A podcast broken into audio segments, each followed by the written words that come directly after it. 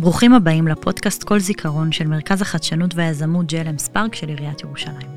אני חן דיין, מנהלת מרכז החדשנות והמראיינת בפודקאסט שאתם מאזינים לו. היום בפרק נביא את סיפורו של בועז מנשה יוגב, זיכרונו לברכה, מפיה של אמו, עטרה יוגב. בועז היה הילד השלישי מתוך עשרה ילדים, החבר הכי טוב של כל אחת מאחיותיו. בועז שירת כטכנאי מערכות הגנה ביחידת קומץ, שאחראית על תיקון תקלות בגדר המערכת המפרידה בין ישראל לרצועת עזה. בועז סיפר להוריו פעמים רבות על התקלות בגדר ועל הפרות הסדר. ב-7 לאוקטובר, בועז יחד עם חבריו נלחם במחבלים שהגיעו לבסיס ונהרג מירי בראשו. עטרה, ברוכה הבאה אלינו.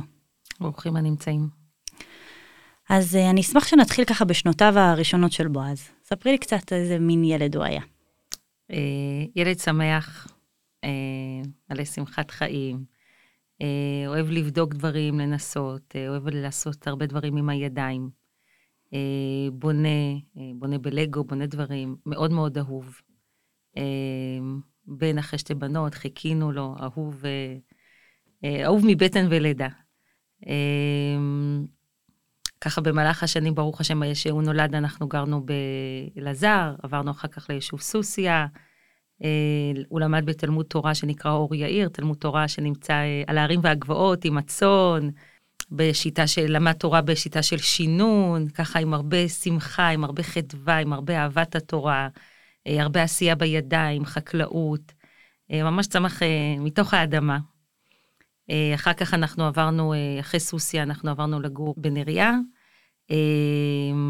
ושם, כשגרנו בנריה, אז הוא עבר לישיבה, היה בישיבה חקלאית, ומשם הוא עבר לישיבה ביישוב לידינו, שגם שם עבדו גם בידיים, גם קצת חקלאות, נגרות, עבד בשיפוצים באיזשהו שלב, אהב לטייל, אהב ספורט אקסטרים, אהב מאוד מאוד ים, אהב לישון עד מאוחר. ילד לתפארת, ממש גבר רציני. ספרי לי קצת על האחיות שלו. יש לנו שיעור עם עשרה ילדים. שלוש בנים ושבע בנות. וואו. כן. הפתעה. יש לנו שתי בנות ואז בועז. ואז ברוך השם שאר הילדים. האחיות שלו וגם האחים שלו. מאוד מאוד אוהבים אותו, ממש בועז היה עמוד התווך במשפחה. ממש כולם, כולנו גידלנו אותו ביחד. בכל דבר, זאת אומרת אפילו ברמה של לבחור לו את הבגדים, לדאוג לו לכל דבר שהוא צריך, והוא מצידו היה הגבר של המשפחה. כל דבר שצריך לתקן, בועז, צריך לסדר, בועז, יש ג'וק, בועז, כל דבר שיש, בועז. המשפט הקבוע שלו היה, אחיות שלו מבקשות ממנו משהו, טוב, תכינו לי אוכל, אני אעשה מה שאתם רוצות. היה חוזר מהצבא, אני הייתי לפעמים כמה, שתיים בלילה, אחותו מטגנת לו שניצלים. מה נהיה? בועז רעב, צריך להאכיל אותו. יחס ממש של, של הערצה. ממש זמן קצר, בערך חודש לפני שהוא נהרג, אז היה לנו איזה סעודה, אולי היה בסעודה הזאת, סעודת שבת. ולא יודעת איך התחלנו לדבר על זה, שאם יגיע סוף העולם, את מי הייתם רוצים לקחת איתכם? אז פה אחד כולם רצו לקחת את בועז. למה? כי אם עכשיו לא יהיה חשמל, טוב, מי יבעיר מדורה? בועז. ואם נצטרך לקחת איזה אוטו ולשפצר אותו שיהיה אפשר לנסוע, מי יעשה את זה? בועז. ואם צריך לצוד חיות, מי יצוד אותם? בועז. ואם יקרה משהו, מי ידאג לי? בועז. אחר כך חשבתי על זה שבאמת באיזשהו מקום סוף העולם קצת הגיע בשמחתו, ומי היה שם? בועז. ממש ככה, וואו. כן. אני יודעת שאחותו ספדה לו בלוויה והיא סיפרה כזה, ככה שהוא היה החבר הכי טוב שלה. זה לא דבר מובן מאליו, בטח לא בגיל הזה. הוא, קודם כל הוא לא היה החבר הכי טוב רק שלה, הוא היה החבר הכי טוב של כל אחת מהאחיות שלו. כל אחת מהן הייתה משוכנעת שהוא החבר הכי טוב שלה. באופן מוחלט, כל אחת אמרה, אבל עכשיו שהיה לי איזשהו קושי, מי עזר לי? בועז, ושהיה לי ככה, מי היה? בועז. וגם החברים שלו, הרבה מהם שלא הכרנו אותם, אחרי שהוא נהרג, אז בא מישהו ואמר, וואי, בועז היה החבר הכי טוב שלי. טוב, לא הכרנו, אבל נעים להכיר. ואז בא עוד אחד ואמר, וואי, בועז היה החבר הכי טוב שלי, הוא היה איתי בטירונות, הוא היה איתי בקורס, הוא היה איתי בישיבה, ופתאום בבן אדם החמישי, שישי, שביעי, אנחנו קולטים שיש המון אנשים שמשוכנעים שבועז היה החבר הכי טוב שלהם, וככה הם מציגים את עצמם גם. אה, כי כל בן אדם שהוא היה נפגש איתו, הוא ממש היה נותן לו את הלב שלו. הוא היה מאוד אה, עניו. אה, ענווה זה משהו שאתה מגלה על הבן אדם רק אחרי שהוא כבר לא נמצא איתך יותר. מאוד צנוע, מאוד מאוד עניו. וכל דבר אצלו היה מאוד בפשטות. היה צריך משהו בפשטות. בא אלינו מישהו, סיפר למשל שהוא הגיע לבסיס, והוא לא ידע איך אומרים מימינו ומשמאלו, ובועז ניגש אליו, הוא לא היה קשור אליו. הוא אמר לו, טוב, מה קורה, מה אתה צריך? הוא אומר לו, מה, הוא הלך לישון, הוא ככה, ויש לי את זה ואת זה. טוב, אני אעזור, אני אהיה איתך, אני אעשה את זה. הוא באמת בא ועזר לו בכל מה שהוא צריך.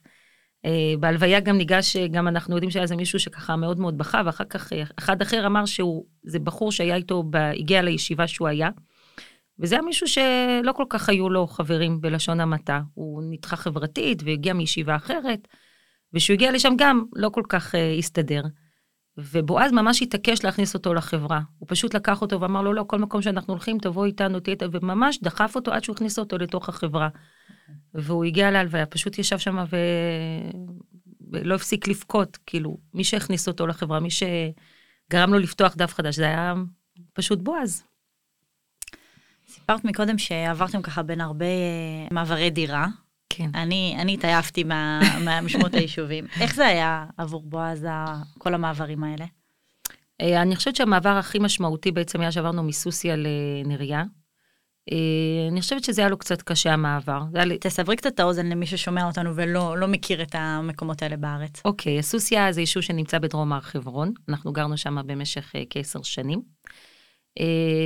ואז אנחנו החלטנו שאנחנו רוצים לעבור ליישוב נריה, אה, גם כי זה יותר קרוב למרכז, לעבודה של בעלי, וגם אה, כי רצינו יותר מקום יותר תורני, גם כל מיני סיבות ככה שהרגשנו שזה יותר יכול להתאים לנו. ולמרות שהילדים היו גדולים, אנחנו החלטנו לעשות את המעבר הזה. התייעצתם איתם? אה, כן, מאוד בקטנה. Okay. אוקיי. די העמדנו אותם בפני עובדה בגדול. אבל בועז ממש, גם בועז, גם רוב האחים שלו, מאוד התאקלמו ביישוב, אה, ביישוב החדש, מאוד היה מסבירי פנים, מאוד קיבלו אותם בצורה ככה חמה. כשהגענו אה, לנריה, הוא התחיל בעצם מכיתה ט', ואז זה יצא באמת אה, ככה שילוב טוב. גם, שוב פעם, אחרי שהוא נהרג, הגיעו חבר'ה וגילינו, ברוך השם, היה חבר'ה, היה חברים, היה ככה קהילה, לא רק שטפה אותנו, אלא גם את בועז, שהוא היה חשוב ומשמעותי בתוך היישוב הזה. אבל בלייב חשבת שיש לו, שיש קושי. כן, היה, ל, היה לבועז אה, אה, קושי אה, חברתי, אה, היה לו אה, אה, ADD, אה, בלי ה-H, אה, שזה בעצם אומר אה, שהיה לו המון המון יכולות, הוא היה בחור מאוד חכם, אה, ראייה מרחבית מצוינת, אה, במתמטיקה היה מעולה, בהמון דברים הוא היה ממש ממש טוב, אבל לא היה לו כל כך איך להגשים את זה, כי הסבלנות ממנו והלאה. אה, וזה בהחלט אה, לא היה פשוט. אה, וכאן בא לידי ביטוי הרבה החוזק, קודם כל המשפחתי שלנו. שכמו שככה ציינו את האחיות לפני כן, אז בועז, אני האימא שלו, אבל יחד איתי השותפות הנאמנות שלי לדרך זה, זה שאר הילדים והאחיות הגדולות. אה, שממש אה, ברמה של כל הזמן להרים אליו טלפונים, ומה קורה, ולצאת איתו, שהם אה, נמצאים בשבת. יש, יש לנו מעיינות ליד היישוב עינות הנר, אז הולכים שם ומטיילים ביחד, ונמצאים, ומעודדים אחד את השני, וממש עוטפים מכל, מכל מקום. וגם הישיבה שהוא היה בה, שגרנו בנריה, ישיבת ישועות מרדכי, שזה ביישוב לידינו, גם שם היה צוות מדהים שממש שטף אותו, ו... הצמיח אותו למה, ש... למה שהוא גדל בעצם להיות. ממש עם הרבה סבלנות, עם הרבה מאוד מאוד מאוד אורך רוח. אה, לבועז מאוד היה קשה לקום בבוקר, היה לו אמרה כזאת. יום אחד ניסיתי להעיר אותו שנלך לים, אז הוא אומר לי, אמא, אני רוצה אה, לקום בשעה 10 ולהיות ב-6 בים. אני כזה, רגע, שנייה, לא הבנתי? ואז הוא אומר, כן, אני רוצה להיות ב-6 בבוקר בים, אבל לקום בשעה 10, וזה היה בועז. מעניין, איך הוא, איך הוא אה, הסתדר בצבא? עם זה? או, זה... אני זוכרת את היום שלקחנו אותו אה, לבקו"ם, אני ובעלי, אה, ממש עם אה, לב דופק. עם הרבה מאוד חששות. הוא היה אמור בהתחלה להתגייס לנצח יהודה. היה לו פאות ארוכות וכיפה גדולה, ואיך שראו אותו אמרו לו נצח יהודה. ואז ממש כמה שבועות לפני הגיוס הוא הוריד את הפאות, נשאר עם הכיפה, אבל הכיפה קטנה, הציציות נשארו, אבל הפאות, הסימן הגדול הזה הלך, ואז הוא הגיע, וממש, זמן ממש קצר לפני הגיוס אמרו לו שהוא עובר בעצם לחיול כללי. זאת אומרת, אתה הולך ככה, מה שיצא, עלה בבעלה. הוא התבאס? לא, לא, לא, לא, לא ראינו שהוא התבאס, לא. אמ, הוא היה מאוד, אה, בועז היה אמ, ילד מאוד אה, נינוח, מאוד, היה לו רוגע נפשי מאוד מאוד עמוק. אה, סתם דוגמה, למשל שעשינו פעם אחת שיפוצים בבית, והיה רק חדר אחד בבית פנוי, וכולם פשוט ישנו לו אמיתי על הראש בתוך המיטה שלו. זה לא הפריע לו בכלל, גם דרך אגב בבית, בשבת, הוא שוכב על הספה וכולם שוכבים פיזית עליו. אין לו שום בעיה, זה לא מפריע, הוא היה בחור גדול, אה, כמעט מטר תשעים, רחב, וכולם שוכבים עליו, עולים, יורדים, הכל רגוע, הכל בסדר, לא משנה איפה הוא נמצא, הכל בסדר. אז גם בצבא נראה לי זה היה אותו רעיון, אז הוא הגיע בעצם, אה, אז הבאנו אותו לבקו"ם, אה, זה היה יום אה, קצת קשה, הוא לא כל כך, היה לו, היה לו קשה, כאילו באמת המעבר הזה, איך יהיה, מה יקרה, היה קצת, היה הרבה מלחיץ. לא קצת, היה הרבה מלחיץ. מבחינת איך, איך הוא הסתדר? איך הוא הסתדר, כן, כן. אה, כי הוא לא היה בחור של כל כך של מסגרת. וקבלת מרות. וקבלת מרות, וקימה בבוקר. אה, אז בישיבה מאוד הכילו אותו, וגם לפ... בין, בין הישיבה לצבא הוא עבד אצל מישהו בשם מנחם קובלקין, בשיפוצים ובנייה. אה, וגם הוא ככה היה בחור כמוהו, שלא נורא עם קמים, שהיה בא, מעיר אותו בבוקר, בוא אז קום לעבודה, איפה עוד יש בוסים כאלה, אני לא יודעת. אה, אז ככה היה הרבה חששות שהוא יתגייס לצבא, אה, ובחסדי שמיים קלטו אותו שם בצבא, והוא הגיע למקום מדהים, הציעו לו כמה דברים, והוא בחר בעצם להיות טכנאי מערכות הגנה. הוא עשה קורס, ומשם כבר המפקד שלו, ראובן טאוטאו, אה, הוא סיפר לנו אחר כך, אה, שהוא סיפר לנו בהלוויה, שמתי שהוא ראה אותו בקורס, אה, עוד שהוא עשה את זה בבת 12, את הקורס, אז הוא הסתכל, הוא עוד לא ידע אפילו איך קוראים לו, הסתכל על החבר'ה שם, ואז הוא אמר לאחראית על הקורסים, את רואה אותו? אותו אני רוצה אצלי. ראה איך הוא, איך הוא אומר אותו, אני רוצה שהוא יהיה אצלי. וככה בעצם הוא הגיע לבסיס בנחל עוז, החטיבה הצפונית, אה, לקומץ, ככה הם נקראים, קוראים להם קומץ כי הם קומץ חיילים, ושם באמת המפקדים הם אנשים אה, מדהימים. אה, אנחנו כבר הבנו את זה לפני, אבל אחרי שהוא נהרג ופגשנו אותם ממש באופן אישי, אז עוד יותר ראינו את זה. קודם כל הם אנשים. הרבה מהחבר'ה שם זה חבר'ה כמו בועז, שיש להם הרבה יכולות ו- וכולי, אבל, אבל יש להם גם מצד שני את, ה, את המורכבות שלהם, את דור אחר.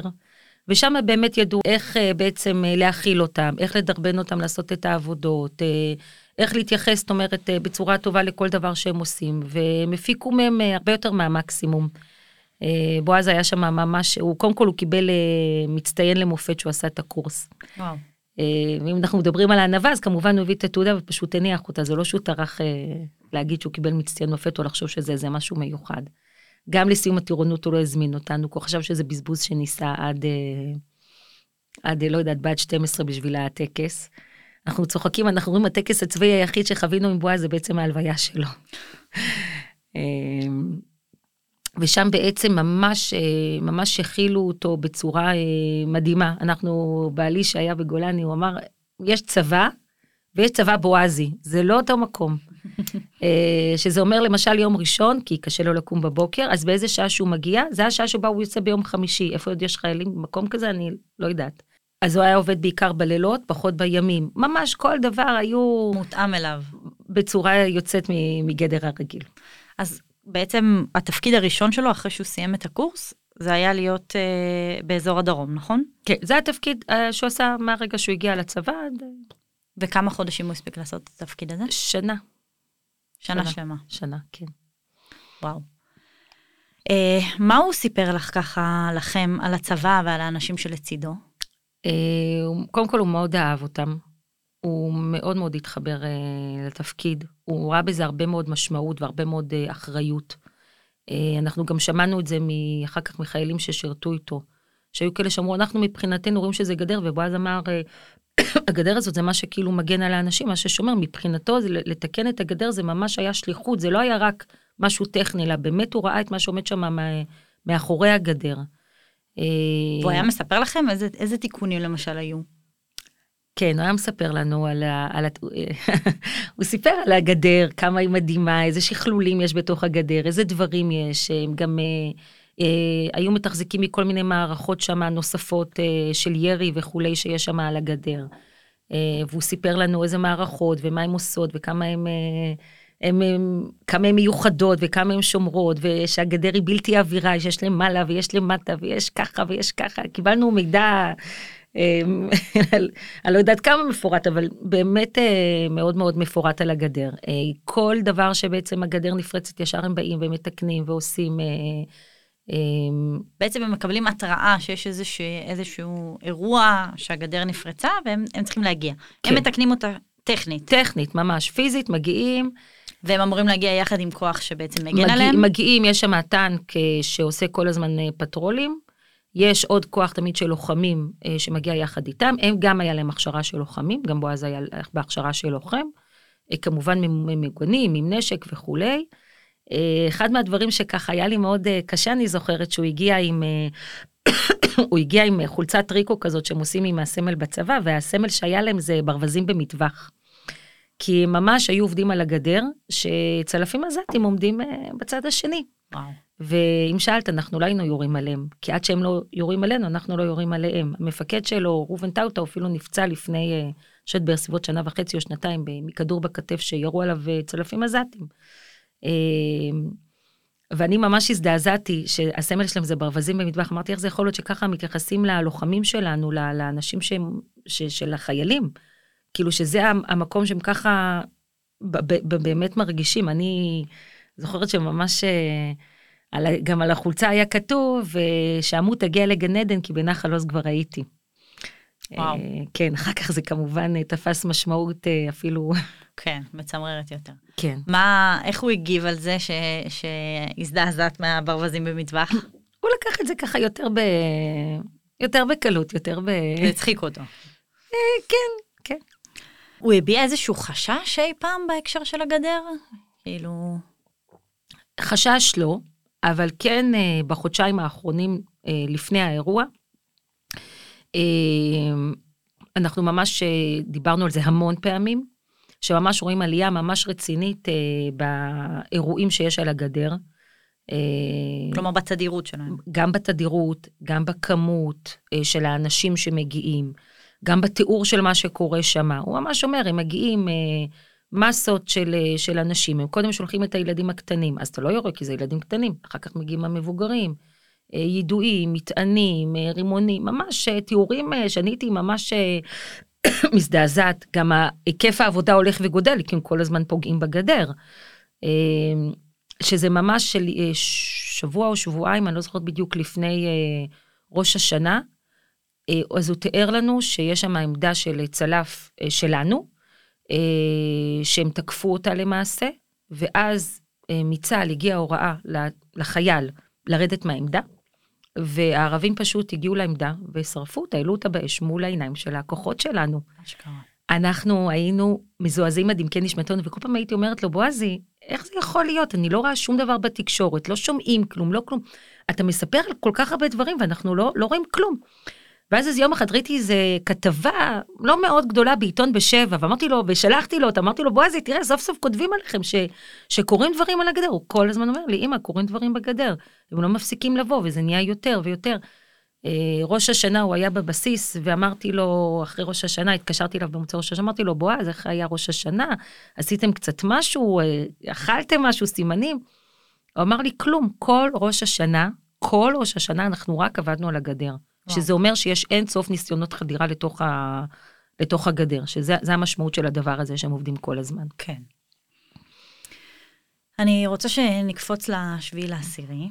אה, את יודעת, אנחנו מקליטים פה בפודקאסט הזה הרבה, יש לנו גם אחים, גם אה, ילדים, בני זוג, אה, אבל גם אימהות, הרבה אימהות, כבר כמה אימהות אני שומעת שאומרות, מספרות ככה על, על זה שהבנים שלהם התחילו להיפרד, או עשו איזשהו סוג של closure, אה, והן אומרות שכאילו, אולי יש מצב שירגישו לפני שהם עזבו. את מרגישה אותו דבר? כן, לגמרי. לגמרי. היו, אה, אה, היו שני, שני דברים.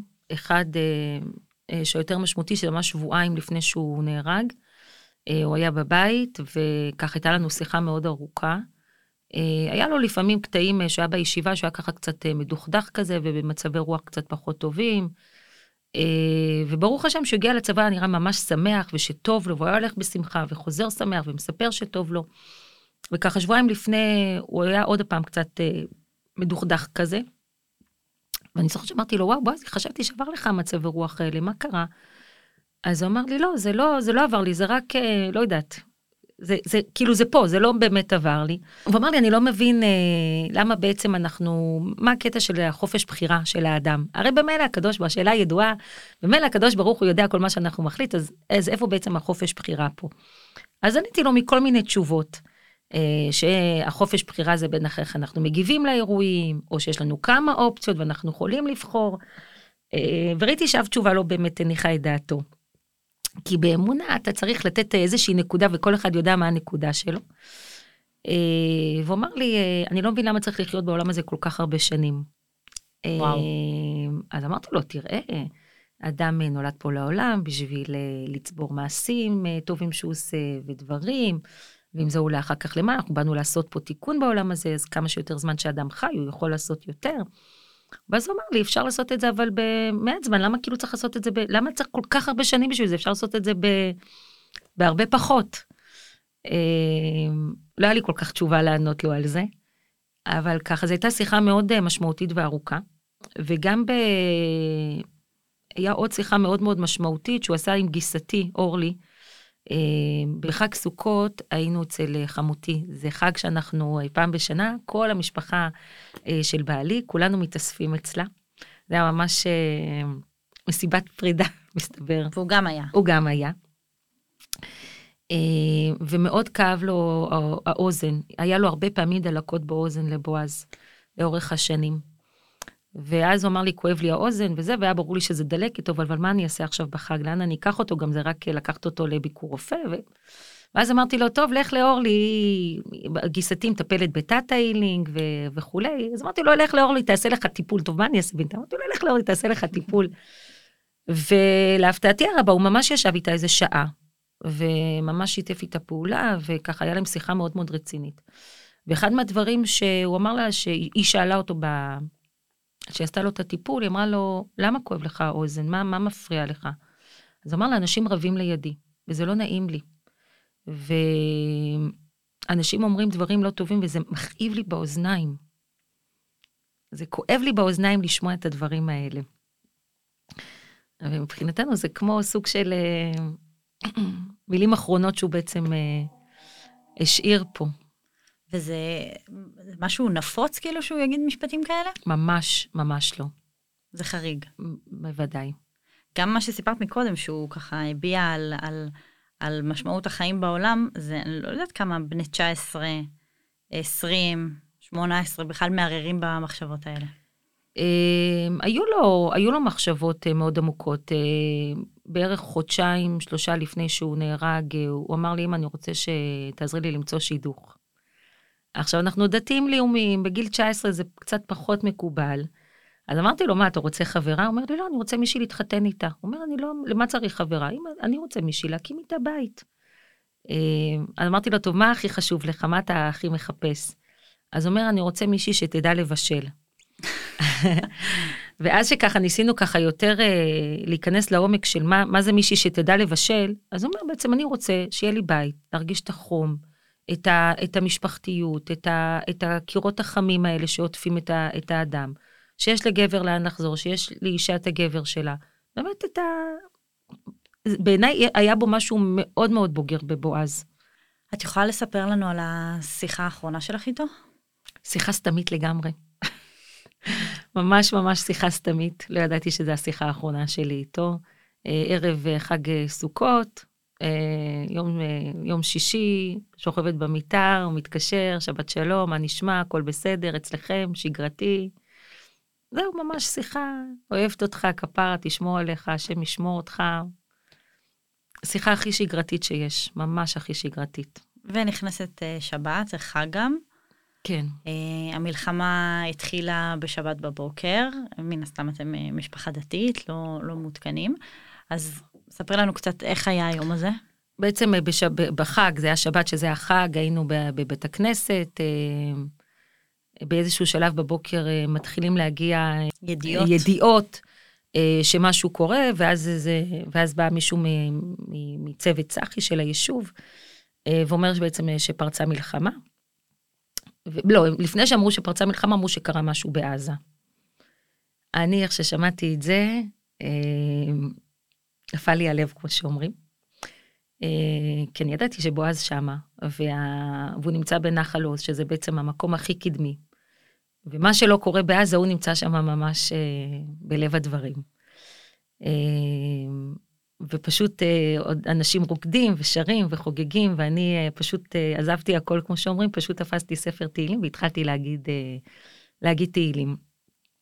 אה, ואנשים עדיין אה, בתוך החגיגות, ואז בא עוד מישהו ואומר שפרצה מלחמה, וצריך לסיים את הכל מהר. ואומרים, טוב, אנחנו רק נאכל ככה בזריזות ונעשה ככה צ'יק צ'ק את ההקפות, ואני אני זוכרת את עצמי מסתכלת ואומרת לעצמי, איך הם, איך הם מסוגלים עוד לאכול? הם לא מבינים ש, שמשהו נורא קורה, כאילו, אנשים לא... אני רוצה לספר עוד איזה משהו שבחול המועד אה, סוכות, אז uh, עשיתי משהו שאני ממש הוא לא רגיל עבורי. Uh, ישבתי מול המחשב, היה לי איזה כמה דברים uh, uh, לעשות של העבודה, ופתאום סתם נכנסתי ככה ליוטיוב ומצאתי את עצמי מסתכלת uh, על סרט של מוצב המזח, שזה דברים שאני ממש לא צופה בהם ברגיל, ומצאתי את עצמי יושבת ומסתכלת על הסרט מתחילתו ועד סופו. מה זה רק למי שלא יודע? מוצב המזח זה בעצם uh, הסיפור על uh, הנפילה של, זה מוצ, על הנפילה של המוצבים uh, במלחמת יום כיפור. Uh, וש, וששמעתי את מה ש...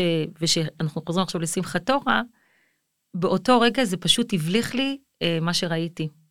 ממש, כאילו, כאילו הקדוש ברוך הוא באיזשהו מקום הכין אותי קודם. אה, ממש הרגשתי שאני נכנסת לתוך, לתוך מה שכאילו ראיתי, לא הבנתי כאילו איך זה יכול להיות. זה קרה לפני 50 שנה, איך זה, איך זה מתרחש כאילו עוד הפעם, הדבר הזה. אני גם זוכרת את הסיפורים של אימא שלי, שהיא מספרת על מלחמת יום כיפור, שהיה אזעקות באמצע. הייתי ממש, אה, לא הבנתי איך זה יכול לקרות. בכל מקרה, אנחנו סיימנו את ה... סיימו את ההקפות, הלכנו הביתה. אה, ואני מהספר תהילים, והגענו הביתה, ואני ובעלי והילדים, כולם יושבים אומרים תהילים. אה, והבת שלי הגדולה אה, הייתה בבית, אחת מה, משתי הבנות הגדולות שלי, אראל, הייתה בבית, ועשיתי משהו שאני לא כל כך עושה. נכנסתי לה, אמרתי לה, אראל, תגידי מה קורה, כי היא כן הייתה מחוברת לתקשורת. אז היא אמרה לי, אמא, כבר יש מאות הרוגים, בטלגרם והכל כבר הופץ. ושחר, אחותה הגדולה, היא אומרת לי, שחר דיברה עם, היא הסתמסה עם בועז בבוקר, אה, והוא כתב לה שהוא בסדר. וואו. באיזה שעה אנחנו עכשיו? אה, הוא כתב לה שהוא בסדר בסביבות אה, שמונה וחצי, אם אני לא טועה. ושאת שואלת, מה השעה? זה כבר היה קרוב ל-11 בבוקר. ואז אנחנו, ואז כאילו משהו נרגע, אבל עדיין כאילו מאות הרוגים, כאילו לחץ, אני הייתי ממש ב...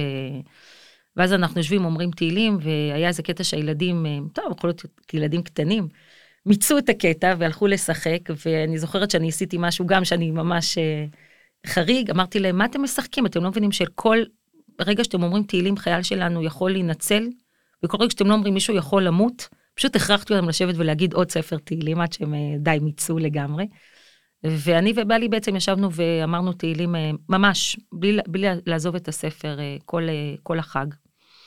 את אה, חושבת שזה היה בגלל שכאילו הרגשת משהו פנימי, או שהבנת מהידיעות שכן זרמו שיש פה משהו גדול? היה ברור לי שקורה משהו גדול, היה ברור לי. אבל זה היה כאילו, היה לך איזושהי תחושה ש... תחושה פנימית שלי. תחושה פנימית שלי, היה ברור לי שקרה אסון גדול, בלי להבין עדיין בדיוק את התמונה, היה ברור לי שקרה איזשהו אסון מאוד גדול. אוקיי. היה ברור לי. תקחי אותנו עוד בהמשך השבת זהו, הזאת. זהו, יצאה, וזהו, ואז בעצם אה, יצא החג, איך שיצא החג, אה, אראל אומרת לי, תקשיבי, ניסיתי עוד כמה פעמים להתקשר לבועז, הוא לא עונה לטלפון. אז בסדר, את יודעת, עסוקים וזה, הגיוני שהוא לא יענה. אמרתי, טוב, בואי ננסה, אני ניסיתי אני להתקשר, אני מתקשרת, אה, עונה לי אה, אה, מישהו שקוראים לו, הוא במבטא ערבי, אומר לי, קוראים לי מוחמד, אה, אני נגד, אה, אני מצטער להגיד לכם אה, שבועז נהרג. אה, אני לא רוצה... אה, בעברית. בעברית. מדבר עברית רהוטה, בצורה יפה, מכובדת, אה, ערבית, אבל הוא מדבר בעברית, אבל במבטא ערבי, אבל של ערבים שאתה שומע שהם גרים פה הרבה זמן. אני זוכרת, ישבנו אני והבת שלי בגינה, שדיברנו איתו. אני הייתי בהלם, ממש, אמרתי לו, אני לא מאמינה לך, אני הייתי בטוחה. כבר הבנו שיש חטופים, הבנו כבר ש... שכמות ההרוגים הולכת וגדלה. הבנו שהיה אה, פריצה לבסיסים של הצבא, ואני הייתי משוכנעת ש... שחטפו אותו, ושמי שמדבר איתי זה חמאסניק, לא היה לי ספק בעניין הזה. אה, והתחלתי כאילו להגיד לו, אני לא מאמינה לך, מה פתאום, וככה ניסינו לשאול אותו עוד כמה דברים, אבל השיחה הייתה מבחינתי קצת ככה כבר מבולבלת. אה, וככה השיחה הייתה בטון כבר גם גבוה יותר. אה, ואז הבת שלי ישר, באיזשהו שלב השיחה התנתקה, הוא היה צריך לסגור, שמתברר שהוא דיבר איתנו, עוד היה קרבות, מי שענה לנו דיבר איתנו תוך כדי בעצם אה, קרב שהיה עוד במוצב. אה, בדיוק עבר בחוץ שכן שלנו, הרב יוסי אוריאל. הוא קלט שמשהו קורה, אחרי חמש דקות כבר אשתו הייתה אצלנו בבית, וכל היישוב בערך ידע שמשהו קרה. גיל הגיע, לא התקשרנו עוד הפעם לטלפון, אני לא העזתי להתקשר עוד הפעם. ניסינו להשיג אנשים מהצבא, משהו, אין קול ואין אה, אין עם מי לדבר, כמו שאומרים. אה, וזהו, משם מתחיל הרבה, הרבה לחץ, הרבה היסטריה. אה, באיזשהו שלב של הלילה אנחנו נסענו ללהב 443, כי הבנו שאפשר ללכת ולהגיש שם, גם הורים של חיילים יכולים לבוא ולהגיד שהם מחפשים את הבנים שלהם. באותה שבת, בועז היה בבסיס, רק הוא ועוד חיילת מקומץ. גם המפקד לא היה, הם היו רק ה... שניים. שניים, כן. הם היו התורנים בעצם אה, באותה שבת. זה בסיס קטן? אה, כן, בסיס די קטן. לא היה שם, גם באותה שבת ספציפית, בגלל שזה היה חג, אז היה עוד יותר פחות לוחמים מכרגיל. אה, גם מבחינת קומץ, גם מבחינת הגדודים אה, של גולני שנמצאים שם. אה, ממש לא היו שם. אני לא יודעת בדיוק מספרית כמה היה, אבל זה היה ממש מעט חיילים. אוקיי. Okay. אה, בטח לבסיס אה, שנמצא על הגבול. כן. אז אתם מגיעים ל-443 ל... אה, שם אנחנו, אני פוגשת שם איזה חברה שלי מהיישוב אלעזר שגרנו שם, שאני אומרת לה, מה את עושה פה? אז היא אומרת לי, אני באתי לחפש את הבת שלי. שבוע וחצי אחר כך התבשרנו שמצאו את, את הגופה של הבת שלה, ואני זוכרת את עצמי תופסת את היד של החברה שלי שאמרה שהם מצאו את הגופה שלה, ואני אומרת לה, וואי, איך אני כל כך שמחה לשמוע שמצאו אותה מתה. זה מה שאמרתי לה, שאני ממש ממש שמחה שמצאו אותה מתה, שמצאו אותה, שהיא מתה, שהיא מגיעה לקבר ישראל. ממש, פשוט, פשוט שמחתי לשמוע את זה. כי למה? כי מה החלופה? שהיא תהיה חטופה בעזה, שלא ידעו איפה היא אף פעם, אה, שעשו לה דברים איומים ונוראים. כל חלופה אחרת היא קטסטרופה. ובאותו זמן נתון שאת אומרת לה את זה, את עוד לא יודעת איפה. לא, זה, היה, זה אחרי שבוע וחצי שאנחנו ידענו עליה. אה, וזהו, ואז אנחנו בעצם, אה, הבנות שלי אה, הקימו בעצם יחד עם בעלי, הקימו ממש חמ"ל. מנסים להתקשר לכל מי שאנחנו מכירים ולא מכירים, אנשי צבא, קרובי משפחה שמחוברים איכשהו, חיילים, כל מקום אפשרי. אין עם מי לדבר. אף אחד לא יודע, אף אחד, אין לו, אין לו מושג. עכשיו, אתה רואה שיש מידע מכל מיני בסיסים אחרים, ונחל עוז, שום דבר. כל ההורים, גם של גולני, גם של התצפיתניות, אה, גם של לוחמים אחרים שהיו שם, או תומכי לחימה אחרים שהיו שם, אה, יש קבוצת וואטסאפ שהייתה של אה, מכל מיני לוחמים שחיפשו אותם, אז אומרים, אה, או מפה מצאו אותו, חי או מת, מצאו, אבל יודעים משהו. ואז אתה שומע עוד הודעה, ומישהו יודע מה עם נחל עוז, ומישהו יודע מה עם נחל עוז. במשך יומיים היה דממת אלחוט לגבי כל מי שהיה שם בנחל עוז, פשוט יומיים. אחר כך התברר שפשוט עוד היו קרבות בתוך המוצב הזה. אה, מה שקרה שם בעצם, אה, טוב, לפני שאני אספר מה שקרה שם, בעצם יום למחרת, אה, הבת שלי יחד עם חברה שלה החליטו לעלות לתקשורת. החברה אמרה לה, תקשיבי, הדרך היחידה שאני נמצא את בועז, שנעלה את זה לתקשורת, ואז יחפשו אותו יותר. כי אנחנו ניסינו להבין אם בכלל מחפשים אותו, הוא לא מופיע לא ברשימה של החטופים, לא של ההרוגים, לא של הפצועים, שלחנו גם מכל מיני אנשים לבתי חולים לחפש אותו, וגם לא של הנעדרים. אז איפה הוא? אה, אם הוא לא בנעדרים, אז איפה הוא נמצא? כאילו, אף אחד לא מחפש אותו בכלל. אה, ואז בעצם הבת שלי עלתה לתקשורת, גם אני, באיזשהו שלב סיפרנו את הסיפור והשמענו את ההקלטה של השיחה עם מוחמד. ואז... היה לכם הקלטה של השיחה? הבת שלי הקליטה את השיחה הזאתי. ואז היא התראיינה, התראיינו לאחד מערוצי התקשורת, ואז מוחמד מתקשר למפיקה של אותה תוכנית ואומר, למה אומרים שאני, אנחנו אמרנו, הוא מחבל, הוא ענה לנו, אמר שהוא מת. ואז מוחמד מתקשר ואומר, למה אומרים שאני מחבל? אני לוחם בצה"ל. אה, ואז יצרנו איתו קשר, ווידאנו איתו ממש את המספר האישי, מכל מיני פרטים אישיים וכולי. והתברר שהוא אכן אה, לוחם בצה"ל, הוא נגד, אה, מ"מ נהגים. אה, הוא נלחם יחד עם בועז, הוא היה חבר שלו. אה, בתוך להט הדברים, כאילו בכלל לא, לא עלה בדעתנו אופציה כזאת, גם העניין היה שאנחנו דיברנו עם המפקד של בועז, ואמרנו לו, דיברנו עם מוחמד אה, עבאדי, ו... והוא לא אמר, כן, יש לוחם כזה, הוא לא אמר שהוא מכיר אותו. אז אמרנו, אם הוא לא אמר שהוא מכיר אותו, זה אומר שאין בן אדם כזה. איך זה יכול להיות שהוא לא אמר לנו שהוא מכיר אותו? אחר כך הבנו שירדה הוראה ממפקד מאוד בכיר בצבא לא לדבר עם הורים. טוב, ו... אני חייבת להגיד שכשסיפרת את החלק הזה שהוא ענה לטלפון, זה נשמע לי מאוד מאוד מוזר להודיע דבר כזה להורים. נכון. גם אם אתה לא גוף רשמי, וזה, זה, אתה מבין שזה קצת רגיש. הוא אמר לנו, אה, קודם כל הוא בן אדם מקסים. אנחנו חייבים להגיד, אנחנו התנצלנו בפניו וכולי, הוא בן אדם מקסים. הוא אמר לנו, תקשיבו, אני לא רציתי לשקר לכם. אני ידעתי שהוא מת לי בידיים. אני ידעתי שהוא מת. לא רציתי שתחיו באשליות. אה, ובדיעבד, תקשיבו, הוא עשה איתנו חסד אה, מאוד מאוד מאוד גדול. כי לא ברור לנו למה הם עשו את זה בצבא, אה, אבל הם נתנו פשוט הוראה לא לדבר עם הורים. מתברר שהם כן ידעו שבועז מת. הם כולם ידעו. אין לי מושג למה הם לא, לא אמרו לנו. את יכולה אבל לשער, אולי לקח זמן ורצו ש... כאילו... אני יכולה לזרוק מכל מיני השערות, אבל היו יכולים לעשות את זה בדרך אה, קצת יותר הגיונית. גם אף גורם רשמי של הצבא לא פנה אלינו. אה, את כל הבירורים, את כל הדברים עשינו לבד. הגורם הרשמי היחיד של הצבא הגיע אלינו רק ביום רביעי אחר הצהריים, לקראת הערב. זאת אומרת שבועז נהרג בשבת, ורק בשבת ברביעי... בשבת ב-11 ו-20 בבוקר, כן. ורק ברביעי כן. הגיע מישהו לבשר לכם את זה באופן רשמי. כן. בוודאי. כן, ממש ככה. את כל הבירורים ואת כל הדברים בעצם אנחנו עשינו, וזה שמוחמד בא ובעצם אמר לנו שהוא, שהוא נהרג, זה עזר לנו בעצם להגיע אליו כמה שיותר מהר. ואז בעצם אה, אה, אנחנו ידענו שהגופות לא פונו מיד מתוך הבסיס, כי עדיין הייתה שם לחימה.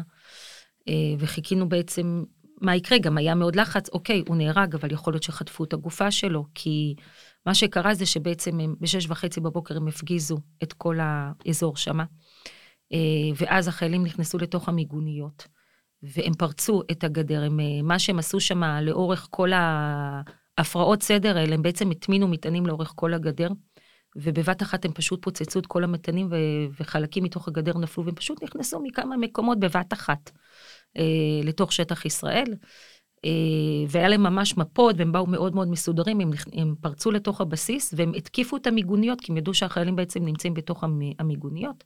בועז היה בתוך מיגונית, יחד עם עוד אה, אה, תומכי לחימה, היה שם מישהו מעוקץ, אנחנו יודעים, ועוד מכל מיני חיילים אחרים עם כל מיני תפקידים שהם לא תפקידים, רובם לא בהגדרה של לוחמים. הוא הגיע מהמיטה עם כפכפים וטריקו ומכנסיים קצרות, היה שם, ראינו, יש לנו ממש סרטונים אפילו של זה, שרואים שם איזה חייל שמגיע למיגונית עם חלוק מגבת ונעליים ביד, ממש ככה, הם הגיעו ממש מהמיטות. אה, באיזשהו שלב הגיעו בבוקר אה, לתוך המיגונית של שלושה חיילים של גולני שהיו פצועים. אה, אחד היה פצוע, כבר היה נראה פצוע לפחות בינוני, ככה זה היה נראה, ועוד שניים שהיו פצועים ברמות אחרות, הם אחר כך נהרגו. מי שנהרג בתוך המיגונית זה בעצם היה בועז ושלושת החיילים של גולני שנכנסו לתוך אותה מיגונית. בועז לקח נשק מחייל אחר, ובעצם נלחם בתוך המיגונית. יחד עם הלוחמים הנוספים שהיו שם. אה, אנחנו יודעים שהוא הרג מחבלים. אה, אנחנו לא יודעים כמה, אנחנו יודעים שהוא הרג אה, מחבלים שם. איך אתם יודעים? מעדויות. אנחנו הגענו פשוט לחבר'ה שם ודיברנו איתם. ביוזמה שלכם. ב- הכל הכל ביוזמה שלנו, הכל ביוזמה שלנו. ממש עשינו, אה, הבנות שלי עשו ממש תחקיר אה, מאוד רציני, ממש לא השאירו אה, פינה שלא, אה, שלא בדקו. אה, ואז אה, בסביבות 11 ו-20 אה, הוא קיבל כדור בראש. בשלב הזה מוחמד ממש נתן לנו גם עדות מאוד מפורטת, הוא אמר שהם אפילו לא ניגשו, הם לא יכלו כבר לגשת אליו גם ממש בפתח של המיגונית, אבל הם ראו שהוא לא זז ושהוא לא, ושהוא לא מגיב, וזה היה כדור בראש, או בלי שום, לא היה עליו שום אמצעי מיגון עליו. זה גם אחד הסיבות שאמרנו, אולי בכל זאת הוא נשאר חי, אולי בכל זאת קרה איזה משהו, כי בעצם לא ניגשו אליו ולא טיפלו בו ולא כלום. באיזשהו שלב נגמרה להם התחמושת, והם פשוט אה, השאירו שם את הפצועים, ומי שנהרג, ומי שיכל פשוט ברח למגורים, והתחבאו שם עד שבעצם הגיעו אה, לוחמים שחילצו אותם, והמשיכו את הלחימה אה, בתוך, ה, בתוך המוצב. אה, וזהו, ואז בעצם אנחנו ממשיכים לחפש את בועז עדיין. אה, אולי חטפו את הגופה שלו, אני היה איזשהו שלב שהגעתי לאיזשהו מפקד, ושאלתי אותו, אמרתי לו, חטפו חיילים מתוך המוצב? הוא אומר לי, כן. אמרתי לו, חטפו גופות? אז הוא אומר לי, כן. אה, ואנחנו לא יודעים איפה בועז. ואז ביום שלישי, אנחנו קמים בבוקר, בעלי חוזר מהתפילה, אני אה, יושבת בסוכה, אנחנו לא פירקנו את הסוכה, הדבר האחרון שבועז עשה בבית זה היה לבנות את הסוכה. אה, הוא ואחיו, תפס את אחיו, אמר לו, תקשיב, אבא עייף, עכשיו אנחנו לא זזים מפה עד שאנחנו גומרים את הסוכה, 12 וחצי, אחת בלילה גמרו את הסוכה. ואני סירבתי להיפרד ממנה. אה, ישבתי בסוכה, ובעלי חוזר מהתפילה, ואמרתי לו, תקשיב, אנחנו חייבים להחזיר את בועז הביתה, מה נעשה? אמרתי לו, בוא ניסע לקבר רחל. אה, מי יכול להחזיר אותו הביתה? כבר עשינו את כל מה שאנחנו יכולים, דיברנו עם כל מה שאנחנו יכולים, צעקנו על כולם, התחנ... עשינו הכל הכל. וזהו, ופשוט לקחנו את האוטו ונסענו לקבר רחל. לקחתי איתי אה, מגש עוגיות. והגענו לשם, אני מחזיקה ביד את החולצה הצבאית של בועז עם הכיפה שלו, ומגש עוגיות, ואני עוברת שם, הציון, הכל היה עוד ריק, עד שעת בוקר ומלחמה, ואנחנו מגיעים לשם, ואני אומרת לחיילים, תעשו את הבבוק עוגיה, תברכו, ולא, לא, אנחנו לא, אמרתי לו, תקשיבו, אנחנו עושים את הבן שלנו, הוא נהדר, ובואו תעשו ברכה לזכותו. יש גם לציין שבינתיים נאמרו, לא יודעת כמה, ספרי תהילים לזכותו של בועז, ואנשים שולחים לנו שהם עושים הפרשות חלב, ומתפללים עבורו, ובאמת, כל השתדלות רוחנית, ממש הרגשנו מוקפים בצורה מדהימה. אז החיילים באמת בירכו, וככה...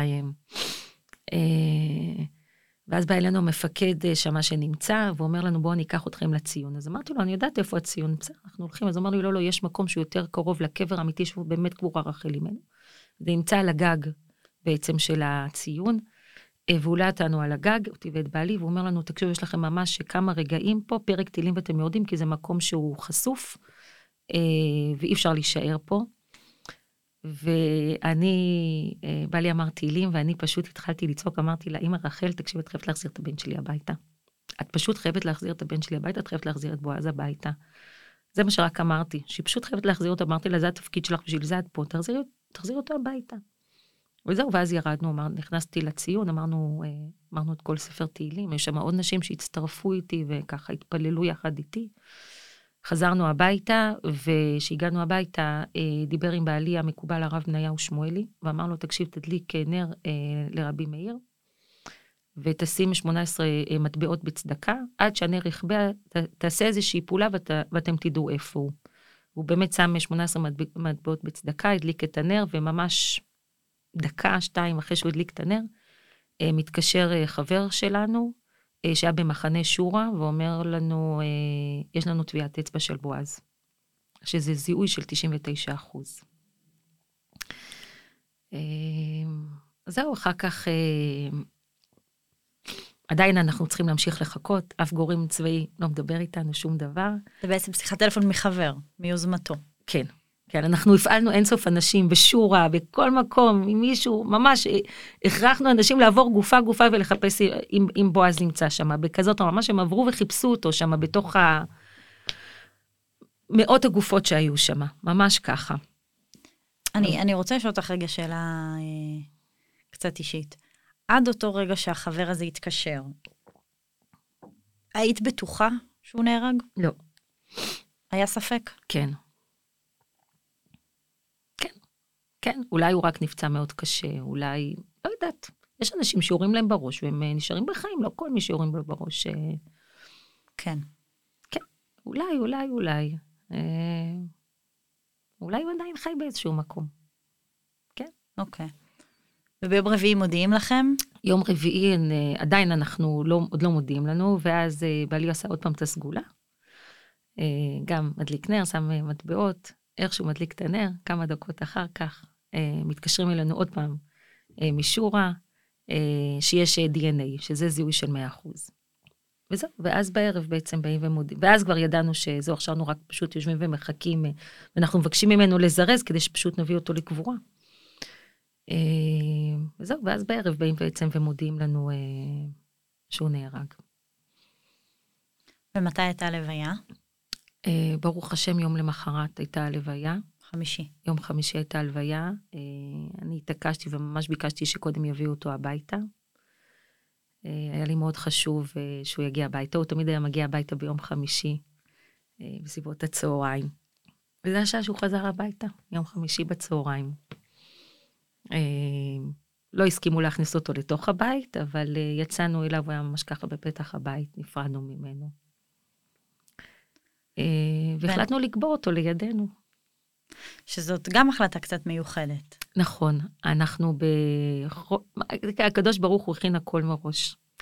בחול המועד סוכות הלכנו לטייל עם הילדים, ואמרו לנו, תקשיבו, יש מצפה חדש מדהים אה, ביישוב אה, טלמון. אמרתי לה, בילי, וואי, איזה תמונות אה, בדולב, סליחה, אה, ביישוב דולב. אמרתי לה, בילי, וואי, זה נראה ממש יפה, בוא ניסע עם הילדים. שולחים לנו אורות איך להגיע, עד שהתקשקשנו, הגענו לשם, ואז בעלי אומר, אני לא מבין מה הקטע, היו יכולים להגיד לנו שזה ליד הבית עלמין, היינו מגיעים בדקה, מה זה כל ההוראות המוזרות האלה? אני אומר, מה את העיניים?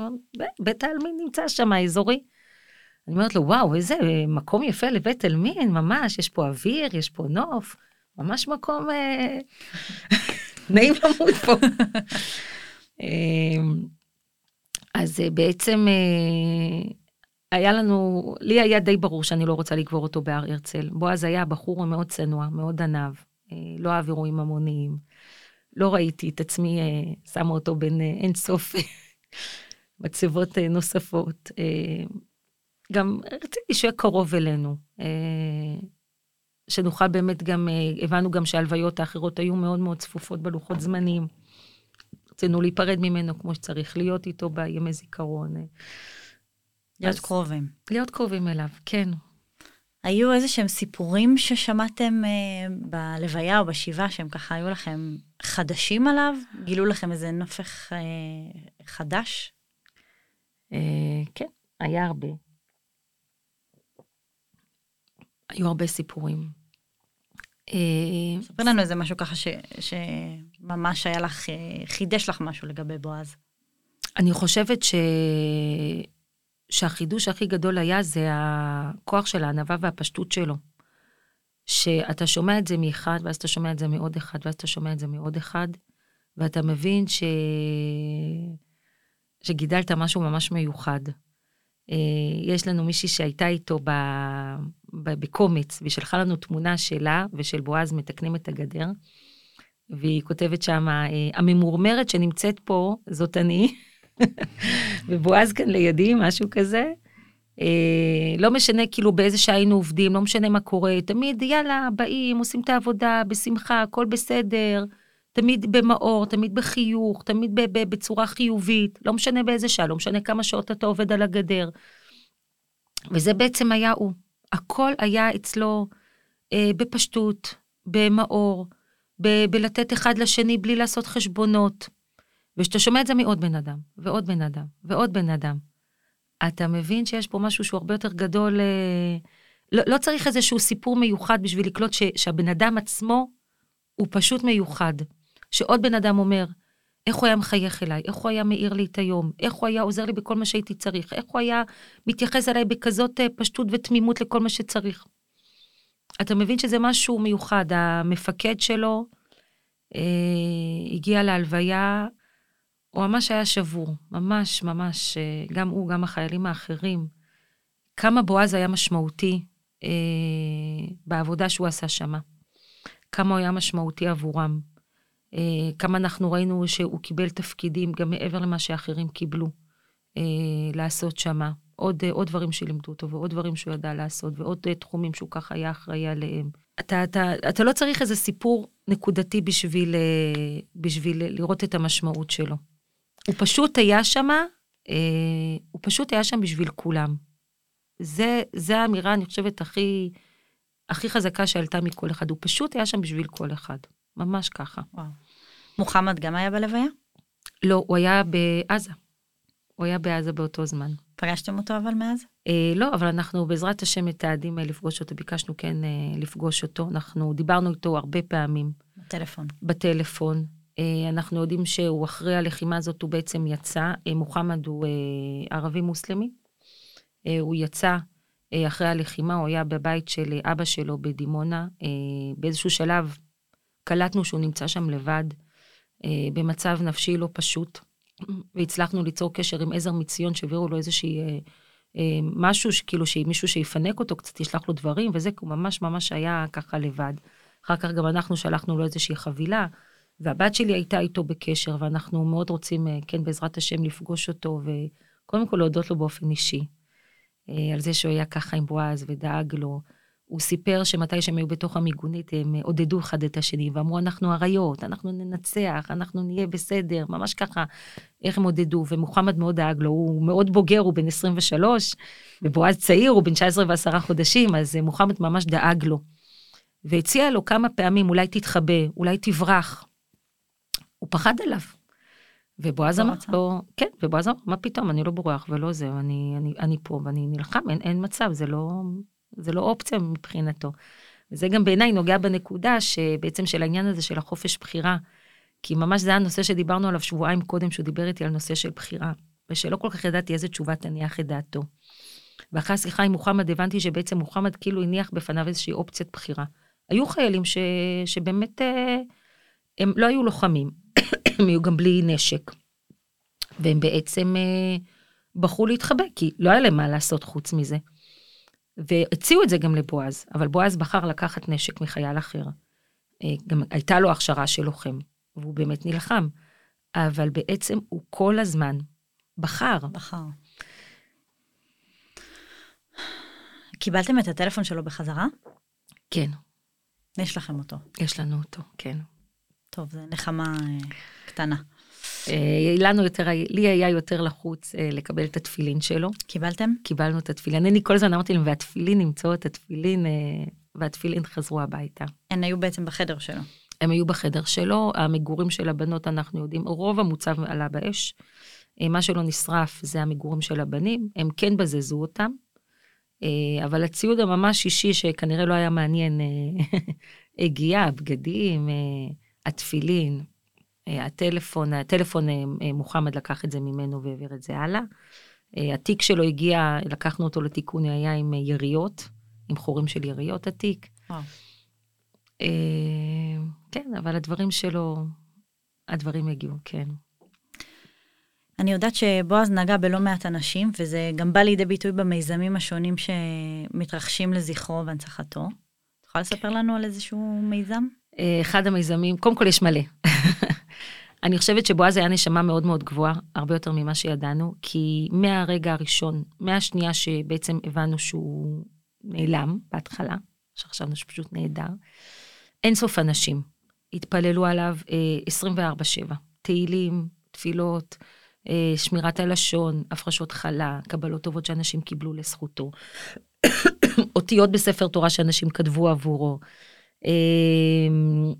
ממש הכל. ו...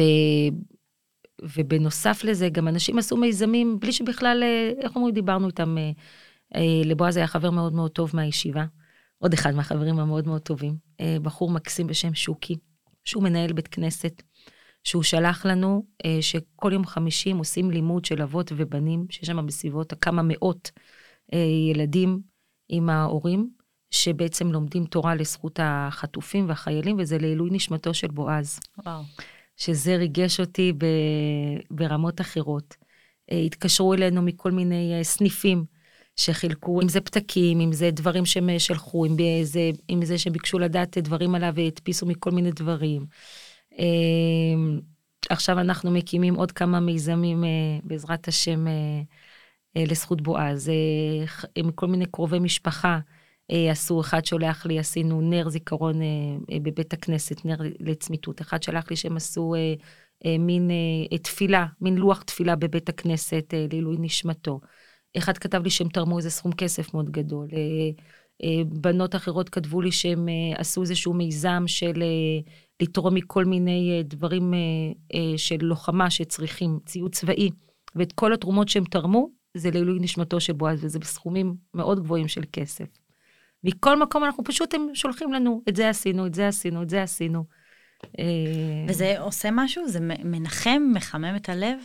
ממש. קודם כל, התחושה שאתה לא נמצא לבד. שאתה מרגיש משהו, ממש חלק מעם ישראל. אתה מבין כמה בועז היה משמעותי. אה, לא רק עבורנו, אלא עבור כולם, וכמה כולם גם אה, מעריכים את מה שהוא עשה. זה לא ברור מאליו שבחור צעיר מוכן אה, להקריב את חייו אה, למען עם ישראל, ואנשים מעריכים את זה. אני גם באמת רוצה לציין את היישוב המדהים שלנו, נריה.